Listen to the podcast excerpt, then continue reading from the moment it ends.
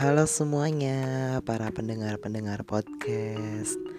Perkenalkan nama saya Muhammad Naufal Ali Surahman dari Universitas Pendidikan Indonesia, jurusan Pendidikan Bahasa Inggris 1B2. Di sini saya ingin berbicara tentang dinamika dan tantangan Pancasila sebagai ideologi negara. Semoga teman-teman suka dan terus stay tune dengerin podcast ini sampai selesai. Seperti yang kita tahu bahwasanya Pancasila merupakan ideologi negara bagi Indonesia.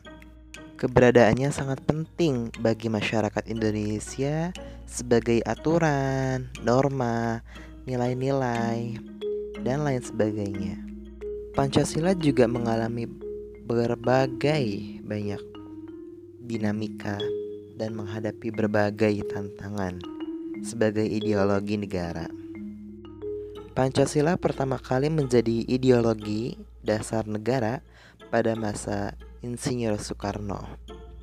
Setelah beliau selesai dari jabatannya dan diganti oleh Soeharto, Pancasila memiliki kedudukan yang kuat dan tinggi sebagai dasar negara.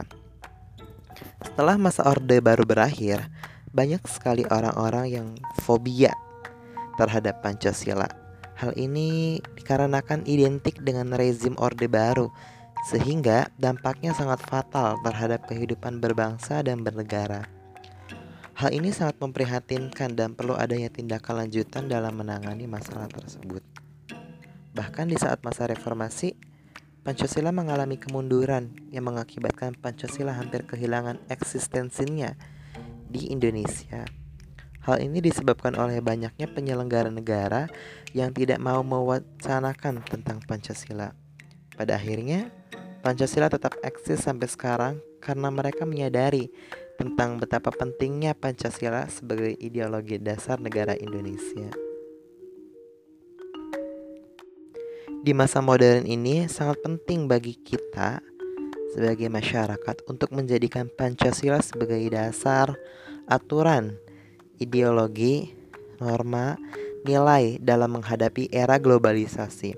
Hal ini tentu menjadikan sebuah desakan akan menanamkan sikap yang tercantum dalam Pancasila kepada jiwa-jiwa penerus bangsa, sehingga mereka tidak akan mudah terpengaruh oleh budaya luar. Mengingat dewasa ini banyaknya budaya asing yang masuk tanpa kita saring terlebih dahulu, yang akan mengakibatkan lunturnya jati diri bangsa. Akhir-akhir ini eksistensi dari Pancasila sangat terancam. Ini merupakan suatu tantangan bagi Pancasila untuk tetap eksis dalam menghadapi globalisasi. Oleh karena itu, kita harus mampu menanamkan jiwa-jiwa Pancasila di dalam diri kita. Sekian yang dapat saya sampaikan, semoga bermanfaat buat teman-teman semua.